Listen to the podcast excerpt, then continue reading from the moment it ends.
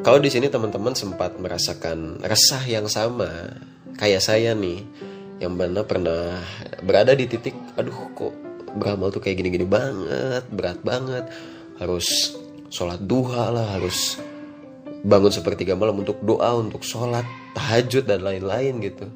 Merasa bahwa badan ini rasanya kuat atau enggak sih untuk menjalankan amanat yang Allah kasih untuk ibadah kan kita untuk ibadah ya di dunia Nah, uh, ingatlah satu nasihat ini yang waktu itu saya dapat dari guru saya, Cak Emir ya, kau yang kenal. Jadi Cak itu dulu pernah bilang ke kita kita ya waktu itu di pondok, e, kalian itu jangan khawatir badan kalian bakal rusak karena ibadah. Kenapa? Karena tubuh manusia itu didesain Allah desain untuk beribadah, untuk beramal sebagaimana pulpen. Kalau misalkan pulpen itu gunanya didesain, dibuat itu untuk menulis.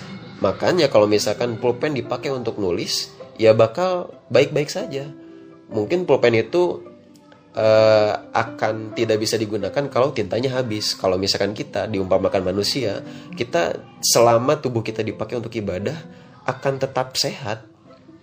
Ya sebagaimana mestinya. Dan kita tidak bisa beribadah lagi kok kita mati.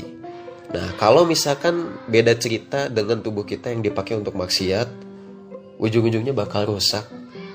Toh seandainya di dunia nggak akan rusak, tapi di akhirat bakal rusak. Sebagaimana pulpen, kalau misalkan tidak dipakai untuk menulis, ya untuk tatalu, untuk nampol orang, untuk lempar-lemparan, ya kan, ya bakal rusak-rusak juga. Karena apa? Karena tidak didesain untuk hal-hal yang seperti itu sebagaimana tubuh kita gitu nggak didesain untuk Allah untuk maksiat tapi kita maksakan untuk maksiat ya rusaklah tubuh kita kayak gitu jadi sesimpel pulpen ini bisa kita analogikan dengan sesuatu yang positif yang luar biasa ya sebagai pengingat kita. Pokoknya kalau kita lagi misalkan ya lagi malas ibadah merasa berat lihat pulpen aja deh. Mudah-mudahan manfaat ya. Jazakumullah khairan